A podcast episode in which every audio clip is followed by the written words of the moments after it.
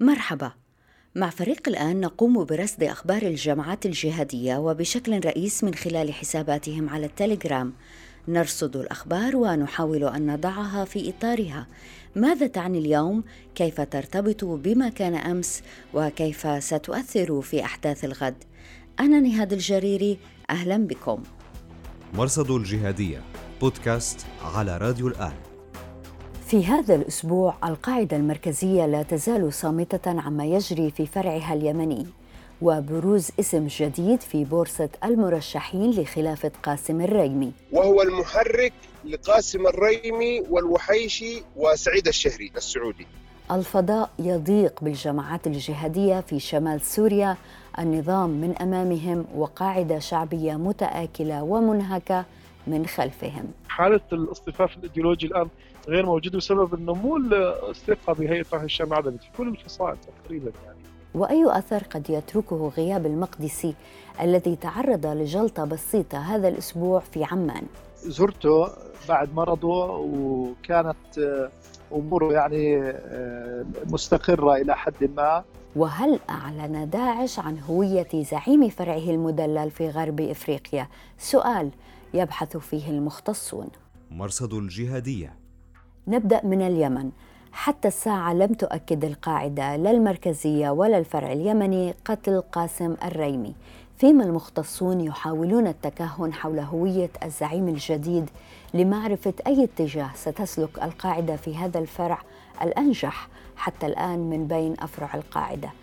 منذ إعلان قتل الريمي طرحت أسماء مرشحة لخلافته مثل خالد بطرفي وسعيد العولقي هذا الأسبوع برز اسم جديد هو المصري إبراهيم البنا فهل يعقل أن هذا التنظيم المعروف بقدرته على استغلال المكون المحلي سيقبل تعيين مصري زعيما له؟ بداية سألت الصحفي اليمني مشير المشرعي رئيس تحرير عين اليمن عين العرب الإخبارية عما نعرفه عن هذا الرجل إبراهيم البنا أو أبو أيمن المصري أو كما ينادوه أعضاء تنظيم الأسطورة وهو التسمية اللي أطلقها عليه اسامه بن لادن دخل اليمن في العام 1993 قبل حرب 94 بين الشمال والجنوب وهي فترة عودة المجاهدين العرب إلى اليمن سواء من أفغانستان أو غيرها. في الفترة هذه دخل اليمن أعداد كبيرة من المجاهدين العرب وعودتهم كان من بينهم إبراهيم البنا، الوحيشي، قاسم الريمي، عند دخوله اليمن في 93 طبعا استغلوا فيما بعد استغلوا نظام علي عبد الله صالح في حرب 94 بين الشمال والجنوب تحت مبررات عدة. في الفترة هذه بعد الحرب بعد حرب 94 أعطي الإسلاميين أو المجاهدين العرب صلاحيات كبيرة تم دمجهم في الجيش، حصولهم على بعض الجنسيات، ومن المتوقع إن إبراهيم البنا حصل على الجنسية اليمنية في تلك الفترة. فيما بعد إبراهيم البنا لم يغادر اليمن من عام 93 لأنه كان مطلوب للسلطات المصرية. لكن كان يتحكم بعدة طرق تسهل له التنقل سواء داخل اليمن أو يبعث مندوبين من عنده سواء لمقابلة أسامة بن لادن في أفغانستان أو ترتيب في الصومال ترتيب جناح حركة الشباب في الصومال أو في كينيا أو في غيرها. بدأ ظهور ابو أبو أيمن المصري أو إبراهيم البنا تحديدا في التسعينات عندما كلفه أسامة بن لادن بتزوير جوازات لعدد من أعضاء التنظيم لمغادرتهم اليمن اللي هي كانت بعد حرب 94 بدأ أعضاء التنظيم يغادروا اليمن يعودوا إلى أفغانستان لبداية الحرب بين طالبان والأمريكان. خلال الفترة هذه كان إبراهيم البنا شكل خلية تتحكم بتزوير الجنسيات والجوازات والتأشيرات، الموضوع هذا شكل لفت نظر كبير قيادات القاعدة لإبراهيم البنا. سهل بمغادرة قيادات من بينهم الوحيشي الذي كان مع أسامة بن لادن في معركة تورا بورا وثم عودته إلى اليمن. تم تكليف إبراهيم البنا بتشكيل ما يعرف بالجهاز الأمني لتنظيم القاعدة في جزيرة العرب. الجهاز هذا عند تشكيله في الألفينات بدأ ترتيب عمليات المدمرة كول هجمات السياح في حضرموت في شبام استهداف في مارب إلى غيره من الأحداث الكبيرة. تم مطاردة مطاردته بشكل رسمي من قبل الحكومة اليمنية في 2006 إلى 2007 وأعلنت عن مقتله. في 2006 بغارة أمريكية آه، برفقة عدد من مرافقيه في محافظة شبوة. قبل أن يتراجع عن البيان هذا بعد شهرين إلى ثلاثة شهور ويضع مكافأة قدرها 5 مليون دولار لمن يدلي بمعلومات للقبض عن إبراهيم البنا اختفى من تلك الفترة لم يظهر بعدها إلا في تصريح واحد آه، نشرته مجلة الملاحم تحدث فيها عن الجهاد وضرورة محاربة الأمريكان وإلى غيره. أستاذ مشعي لأي درجة هذا الرجل إذا مهم؟ إبراهيم البنا هو الشخصية أنا أعتبره الشخصية المحورية في تنظيم القاعدة في اليمن وهو المحرك لقاسم الريمي والوحيشي وسعيد الشهري السعودي لأن إبراهيم البنا في البداية يتحكم بعدة أجنحة في تنظيم القاعدة سواء القيادات الدولية أو المحلية داخل اليمن الشيء الثاني تغلغله في أوساط القبائل اليمنية سهلت له من التنقل سواء من مارب إلى شبوة إلى أبين إلى حضرموت إلى صنعاء حتى إلى غيرها من المناطق جعلت منه شخصية اختفت عن الإعلام بشكل كامل ولم يظهر له أي صورة منذ أن أدرجت البنتاغون الأمريكي صورته كمطلوب للعدالة الأمريكية. هلا البنا مصري وبنعرف إنه أحد أسرار القاعدة في اليمن هي قدرتهم على محاكاة هذا العنصر المحلي فكيف ممكن إنه يستطيع الرجل اختراق هذا النسيج؟ معك حق. لكن لو بحثتي في تشكيل التنظيم القاعدة في البداية هي لا تعترف بالحدود أو الجنسيات أو الدول. هذا اولا. الشيء الثاني إبراهيم البنا مقيم في اليمن منذ العام 93 وحاصل على الجنسية اليمنية هذا شيء أكيد. بالإضافة إلى علاقاته الكبيرة مع القبائل سواء في شمال اليمن أو جنوبها جعلته شخصية يكون قيادي من خلف الستار. ثاني شيء كان عندنا سعيد الشهري هو الرجل الثاني تنظيم القاعدة بعد الوحيشي وكان سعودي الجنسية. وكان هو المترشح لقيادة تنظيم القاعدة قبل أن يقتل في غارة أمريكية في المكلا.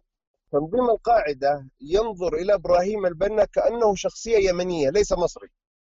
أستاذ مشير من الأسماء المرشحة من اليوم الأول لإعلان قتل الريمي كان خالد باطرفي ماذا نعرف عن الرجل؟ خالد باطرفي أنا أستبعد أن يكون له أي دور كبير. ممكن يكون في الواجهة الفترة القادمة لكن أستبعد أن يقود التنظيم. كونه لا يستطيع أن يلم شمل تنظيم القاعدة سواء في أبين أو في حضرموت أو في شبوة أو في مارب أو في البيضاء التي تخوض مسلحي تنظيم القاعدة هناك معارك آه، وعمليات آه، متفرقة ضد تنظيم الدولة منذ أكثر من سنة باطرفي لا توجد لديه الخبرة العسكرية الكافية أو الحكمة كما يقال آه، للم شمل القاعدة مقارنة بإبراهيم البنا. إبراهيم البنا لديه تاريخ كبير سواء مع قيادات الصف الأول في تنظيم القاعدة المتواجدة خارج اليمن في أفغانستان وغيره أو مع الأعضاء الجدد المستجدين آه، المتواجدين في اليمن. الاسم الثاني المرشح لخلافة الريمي هو العولقي، لأي درجة هو أيضا رقم صعب بهاي المعادلة؟ سعد العولقي مختفي بشكل كامل لا أحد يعرف له متى آخر ظهور ولا تصريحات إعلامية حتى علاقته مع القبائل تكو... كانت تكون معدومة لولا حمايته من بعض أفراد قبيلتي التي ينتمي إليها وهي قبيلة العوالق آه، أحد أهم أكبر القبائل في محافظة شبوة اليمنية. بدي أسألك عن قتل الريمي، ماذا نعرف عن ذلك؟ غريب حقيقة أنه قتل بالقيفة كما ورد في إعلام يمني، والقيفة معروفة بأنها منطقة نزاع مع داعش، ماذا كان يفعل هناك؟ أنا أستبعد أن يكون في قيفة لأنه مجرد مصدر إعلامي واحد وهو صحيفة مصدر هي التي قالت أنه قتل في قيفة، في الأغلب أنه قتل في مارب لأن مارب تعتبر لتنظيم القاعدة أحد أهم المناطق الآمنة للتحرك فيها. طبيعة صحراوية، آه، حاضنة قبلية كبيرة، تساهل من قوات الأمن وغيره. وشو رأيك كمان بأنه قتل مع أبو البراء الإبي؟ ما أتوقع أن يكون مع قاسم الريمي أي قتيل آخر لأن سياسة التنظيم تعتمد أن يتنقل كل قيادي منفرد أو مع مرافقين من من الصف الثاني أو الثالث. أبو البراء آه، شخصية من قيادات تنظيم القاعدة من الصف الأول.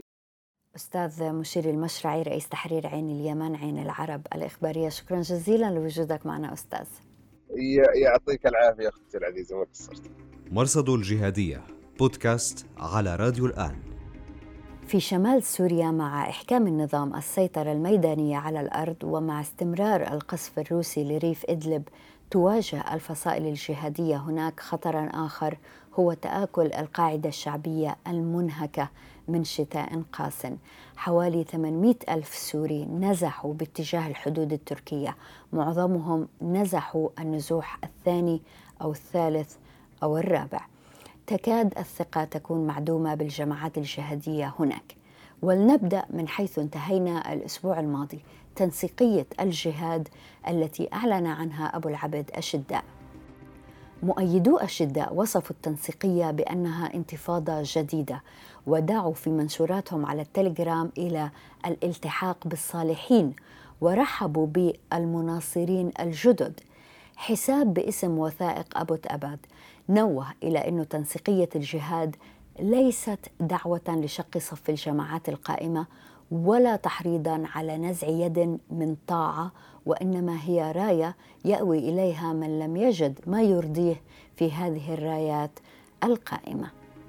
وبدنا نرى في الحسابات المعارضة للهيئة تذكير ببدايات الثورة في سوريا ومن ذلك استذكار قيادات مثل حجي مارع عبد القادر صالح الذي كان له دور كبير في تحرير إدلب لتكون ثاني محافظة تخرج عن سيطرة النظام بعد الرقة. ومن ذلك أيضا الدعوة إلى إحياء كيانات مثل جيش الفتح الذي تألف من مجموعات متعددة منها فتح الشام النصرة سابقا اللي تحورت إلى هيئة تحرير الشام حتى إن البعض أثار مسائل فقهية كما ورد في حساب الغريب الخراساني الذي سأل هل يجوز قتال العدو النصيري أو الرافضي أو ما شابهه تحت تغطية المدفعية التركية العلمانية في إشارة طبعا للتقارب والتحالف حقيقة بين هيئة تحرير الشام وتركيا. في موازاة ذلك زاد انتقاد هيئة تحرير الشام والجولاني. المحامي عصام الخطيب الذي كان قياديا في هيئة تحرير الشام وهو الآن من أشد منتقدي الجولاني استنكر كيف تقيم الهيئة حملات تبرعات لا حاجة لها بها فهي صاحبة العتاد والمال. لماذا تأخذ من فم الأقل حظا؟ الهدف معروف يعني الهدف ليس آه، أن أن يجمع المال هو ليس بحاجة إلى المال وليس آه، بحاجة إلى رجال. كهيئة تحرير الشام لا أقصد الجهاد. تمام؟ انت الناس اللي عندك المقاتلين اللي عندك هجنتهم وأقعدتهم وتقاتل بنسبة ضئيلة جدا منهم أو وتضحي بنسبة ضئيلة جدا منهم. كما انتقد الخطيب عدم إطلاق الهيئة سراح مسجونين لديها وعدم إصدار عفو عام عن ملاحقين وهو منهم حتى يتسنى لهم المشاركة في المعارك. زوجته علا الشريف وهي أيضا من أشد منتقدي الجولاني ونشطة جدا على التليجرام نشرت رسالة تدعو الهيئة إلى إعادة الحقوق لأصحابها من المقاتلين وتسأل كيف ستنتصرون بالمال الحرام. أنصار داعش استهزأوا بسلوك الجماعات الجهادية في شمال سوريا وصفوا الحرب بالمسخرة. والمثير للسخرية أنهم دعوهم إلى الانسحاب حساب باسم صوت الزرقاوي قال لون ينسحبون من الآن أفضل على الأقل لا يهجر الناس من بيوتهم ولا تدمر بالقصف. طبعا نقرأ هذا التعليق ونتذكر حصار الرقة. مرصد الجهادية هل ما يجري قد يكون نهاية الحرب في شمال سوريا؟ سؤال طرحته على الباحث السوري عباس شريفة. لكن بداية سألته عن تنسيقية الجهاد. أستاذ عباس شكرا جزيلا لوجودك معنا. لأي درجة ممكن تكون تنسيقية الجهاد بديل عن هيئة تحرير الشام أو حتى غيرها من الفصائل؟ انتفاضة جديدة كما ورد في واحد من التعليقات. الحقيقة أن الوضع في الشمال السوري آه، الآن يعني يأخذ طابع السيولي. يعني ما في ملامح تشكل كتل ثابتة فيه بسبب حالة الفوضى وحالة الانهيار وحالة الهجمة الروسية المدعومة من الميليشيات الإيرانية والنظام القوية جدا على الشمال السوري. هلا في طور هي الانهيارات بتطلع بتطلع مبادرات كثيرة على أساس إنه هي إنقاذ الساحة وإنقاذ ما تبقى من المحرر ومن هذا الكلام. لكن أنا ما بتوقع يكون يعني هي يعني خطوة عاطفية. معروف أنه أبو العبد أشداء كان هو بالسجن هيئة وهو كان منتمي لهيئة تحرير الشام يعني من صفوف هيئة تحرير الشام وقام بإصدار فيديو آه، فضح فيها أسرار داخلية داخل حركة آه، حركة هيئة تحرير الشام اللي تتعلق بالمناصب وتتعلق بالذمة المالية والفساد المالي. وكان هذا الخطاب اللي وجهه العبد كان له أثر شديد جدا على هيئة آه، تحرير الشام لكن لم يحدث أي شيء. يعني بالنهاية هن اعتقلوه زجوه بالسجن ولم يطالب به أحد إلا مجموعة تغريدات يعني من أصوات ضعيفة جدا. ناهيك إذا عرفنا أنه هيئة تحرير الشام الآن بتكوينها يعني إصابة تحولات آه، فكرية ومنهجية وتحولات سياسية وتنظيمية كبيرة جدا آه، بحيث أنه الكتلة الإيديولوجية اللي كانت موجودة تقريبا يعني خرجت في أغلبها أبو اليقظان آه، أبو شعيب المصري أبو الشباب اللي التحقوا بأنصار آه، الدين بحراس الدين عفوا اللي انشقوا وقعدوا مثل علا الشريف وزوجها عصام آه، كلهم هذول طلعوا من هيئة التحرير الشامي يعني لم يبقى هناك كتلة إيديولوجية بت يعني بتوالي هيئة تحرير الشام بناء على الإيديولوجيا السلفية الجهادية اللي كانت تحملها. بتوقع حركة تنسيقية الجهاد يعني هي خطوة عاطفية يعني لا يملكون أي أموال حتى يمولوا حالهم. آه، إمكانياتهم ضعيفة جدا سلاحهم ضعيف جدا. العدد آه، اللي حواليته حتى ضعيف جدا يعني ما بتوقع يلم أكثر من 100 شخص يعني في أبعد الحدود. آه، خصوصا أنه لا يترجح أيضا انشقاق عدد يعني من عند هيئة تحرير الشام الانضمام لهذا التكتل الجديد لا انشقاقات أستاذ عباس حتى مع هذا الامتعاض الشعبي؟ الامتعاض الموجود هو امتعاض حقيقي صحيح لكن الانشقاق يعني إنه أنت بدك الآن تفرض كتلة وتبني كتلة جديدة لأنه الموارد المالية موجودة عند هيئة تحرير الشام لأنه السلاح موجود عند هيئة تحرير الشام فكثير هذول الشباب اللي حينشقوا ما عندهم قدرة لا على تمويل أنفسهم لأنه المعابر والموارد الاقتصادية موجودة عندهم ولا عندهم قدرة على تسليح أنفسهم. فهن يعني قاعدين مع هي تحت الشر للضروره لأنه ما في يعني ما في فرصة أخرى يعني ممكن يلتحقوا فيها. وخصوصا الآن قتال مناطقي يعني آه، كثير من الشباب الآن مش يعني بسبب الانهيارات وبسبب الهجمة الشرسه القتال ما عم بياخذ طابع الفصائلي. يعني إنه صاير مثلا أولاد الاتارب بيدافعوا عن الاتارب أولاد معرة النعمان بيدافعوا عن معرة النعمان أولاد جبل الزاوية بيدافعوا عن جبل الزاوية. حالة الاصطفاف الإيديولوجي الآن غير موجودة بسبب إنه مو الثقة بهيئة تحرير الشام انعدمت في كل الفصائل تقريبا يعني. هل ممكن إنها تكون هاي الأحداث على مأساويتها نهايه للحرب؟ الوضع اللي عم يرتسم بالشمال السوري لا أظن إنه يكون هناك دور للفصائل. يعني إذا ما نجح يعني اليوم لازم ناخذ الدور الإقليمي اللي عم تقوم في تركيا مثلا. لو صار تدخل تركي لأنه الانتشار التركي الآن صار كثيف أكثر من 7000 عسكري تركي تقريبا صار 1000 و يعني فوق ال 1500 قطعة عسكرية وجدت. فإذا هذا تثبت الوجود التركي حيتم ضبط الفصائل كلها مثل درع افراط وغصن الزيتون وحيصير آه، تحرك هاي الفصائل بناء على آه، ضمن الاتفاقيات الدولية والإقليمية اللي بتحدد آه، طبيعة يعني ونظام الاشتباك في هذه المنطقة. ما راح تنضرب أي طلقة إلا ضمن قواعد الاشتباك بيتفقوا عليها آه، هاي الدول. لذلك لن يكون هناك أي حتى يعني الآن هيئة التحرير الشامية ملتزمة تماما بالاتفاقيات الدولية. هي الآن يعني مساهمة في تطبيق اتفاقيات أستاني. مثلا يعني ما تتعرض ما تتعرض لنقاط المراقبة التركية. يعني مستعدة لإبرام أي صفقة يعني في براغماتية عالية في هي المسألة آه، وبتوقع إنه الهيئة يعني ما تسمح لأي فصيل يخرج عن هذا السياق الموجود. الباحث السوري عباس شريف شكرا جزيلا لوجودك معنا. الله يبارك فيك حياكم الله. مرصد الجهاديه في أخبار داعش هذا الأسبوع صدر العدد 221 من صحيفة التنظيم الأسبوعية يوم الخميس 13 فبراير على غير المتوقع الصفحة الأولى احتفت بهجمات فرع التنظيم فيما يسمى ولاية غرب إفريقيا. نقول على غير المتوقع لأن التنظيم شن هجمة في سيناء تغنى بها أنصار التنظيم على التليجرام وعلى هوب. خبر الهجوم الانتحاري هناك ورد في عنوان مقتضب على الصفحة الأولى وتفاصيل بسيطة في الصفحة رقم خمسة. الافتتاحية كانت بعنوان قل هل ننبئكم بالأخسرين أعمالا. وأرفقت به صورة لرئيس الوزراء الهندي ناريندا مودي مع قيادات مسلمة من العام 2011 في احتفال سنوي بالتعايش الديني في أحمد أباد. المقال باختصار يدعو الأقليات المسلمة في الدول غير المسلمة إلى نبذ الديمقراطية على أساس أن الديمقراطية شرك وأن الوطنية كفر. أصدر المكتب الإعلامي لولاية غرب إفريقيا الداعشي إصدارا مرئيا جديدا هو الجزء الثاني من سلسلة اقتلوهم حيث ثقفتموهم. أبرز ما جاء في الإصدار هو ظهور شخص عرف عنه أنه أبو عبد الله البرناوي من دون أن تكتب صفته.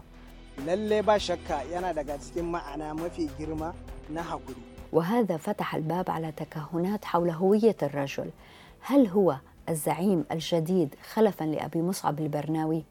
نذكر أن مجموعة من بوكو حرام أعلنت البيعة لداعش وهذا ما رفضه زعيم بوكو أبو بكر شيكاو فانشقوا ونصبوا أبو مصعب البرناوي ابن مؤسس التنظيم الأم زعيما لهم وكما فهمنا من الخبير النيجيري بولاما بوكارتي في حلقة سابقة من مرصد الجهادية أبو مصعب كان صغير السن فعزل وولي مكانه أبو عبد الله أو إدريس البرناوي.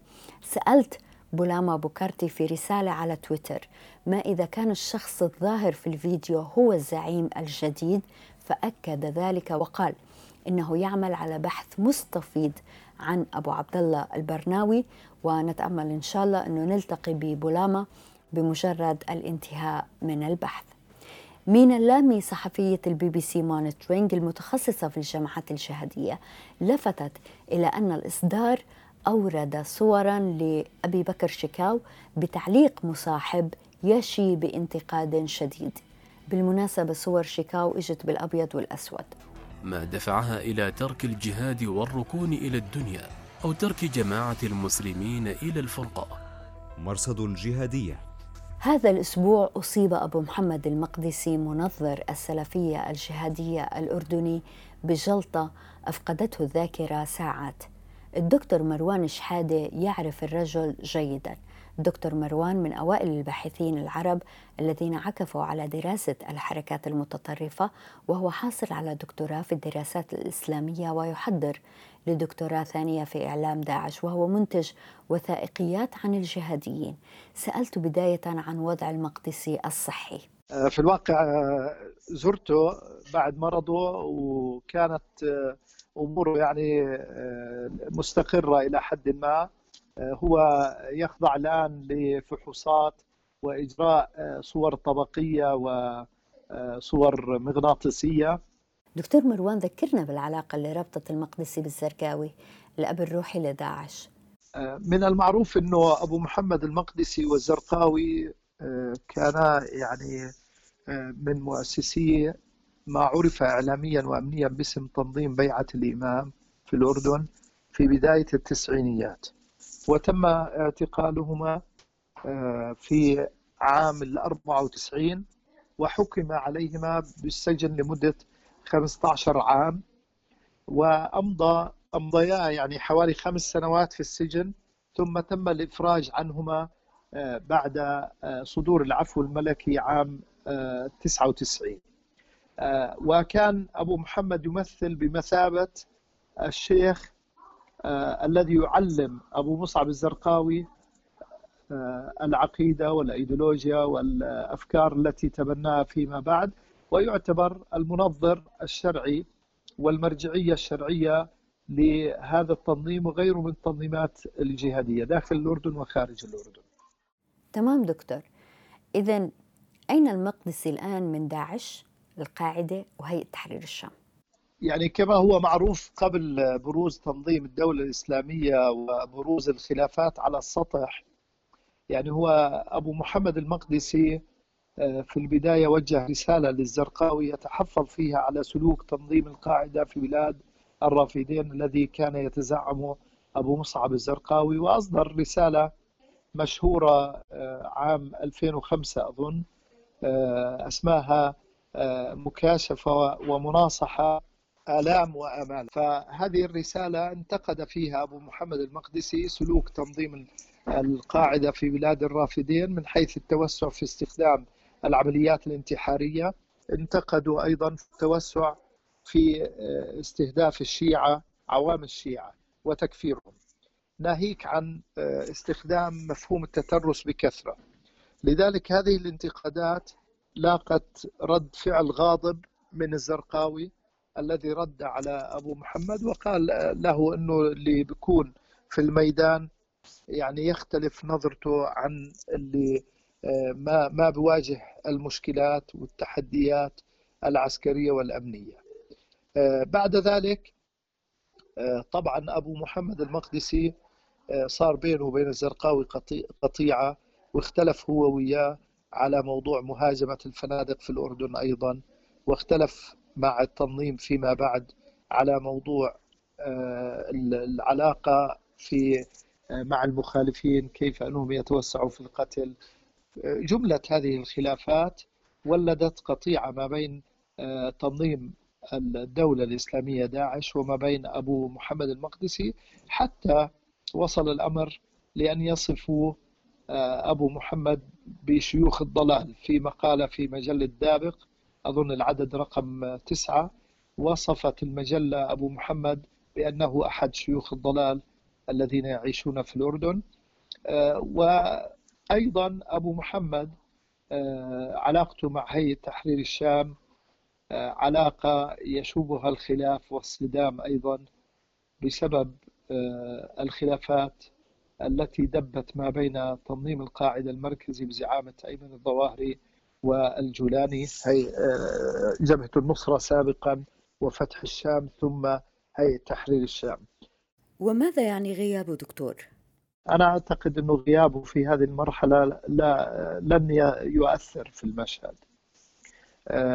بل أظن أن طالما الكتب موجودة يعني كل إصداراته موجودة ولا تباع توزع مجانا فبالتالي من السهولة بمكان التعرف على أيديولوجيا الجماعات الجهادية وإرثها الأدبي يعني التنظيري لأنه كما هو معروف أيضا أنه أبو محمد المقدسي يعني منذ خروجه من السجن في الفترة الأخيرة عام 2000 تقريبا 16 للآن لم يصدر له أي كتاب جديد وإنما بعض الملاحظات والمطويات الصغيرة. فبالتالي هذا يدلل هذا يدلل أنه إنتاجه ضعيف جدا بعد خروجه من مرحلة السجن. الدكتور مروان شحادة شكرا جزيلا لوجودك معنا. وشكرا جزيلا لوجودكم معنا في راديو وتلفزيون الآن أنا نهاد الجريري. مع السلامة. مرصد الجهادية بودكاست على راديو الآن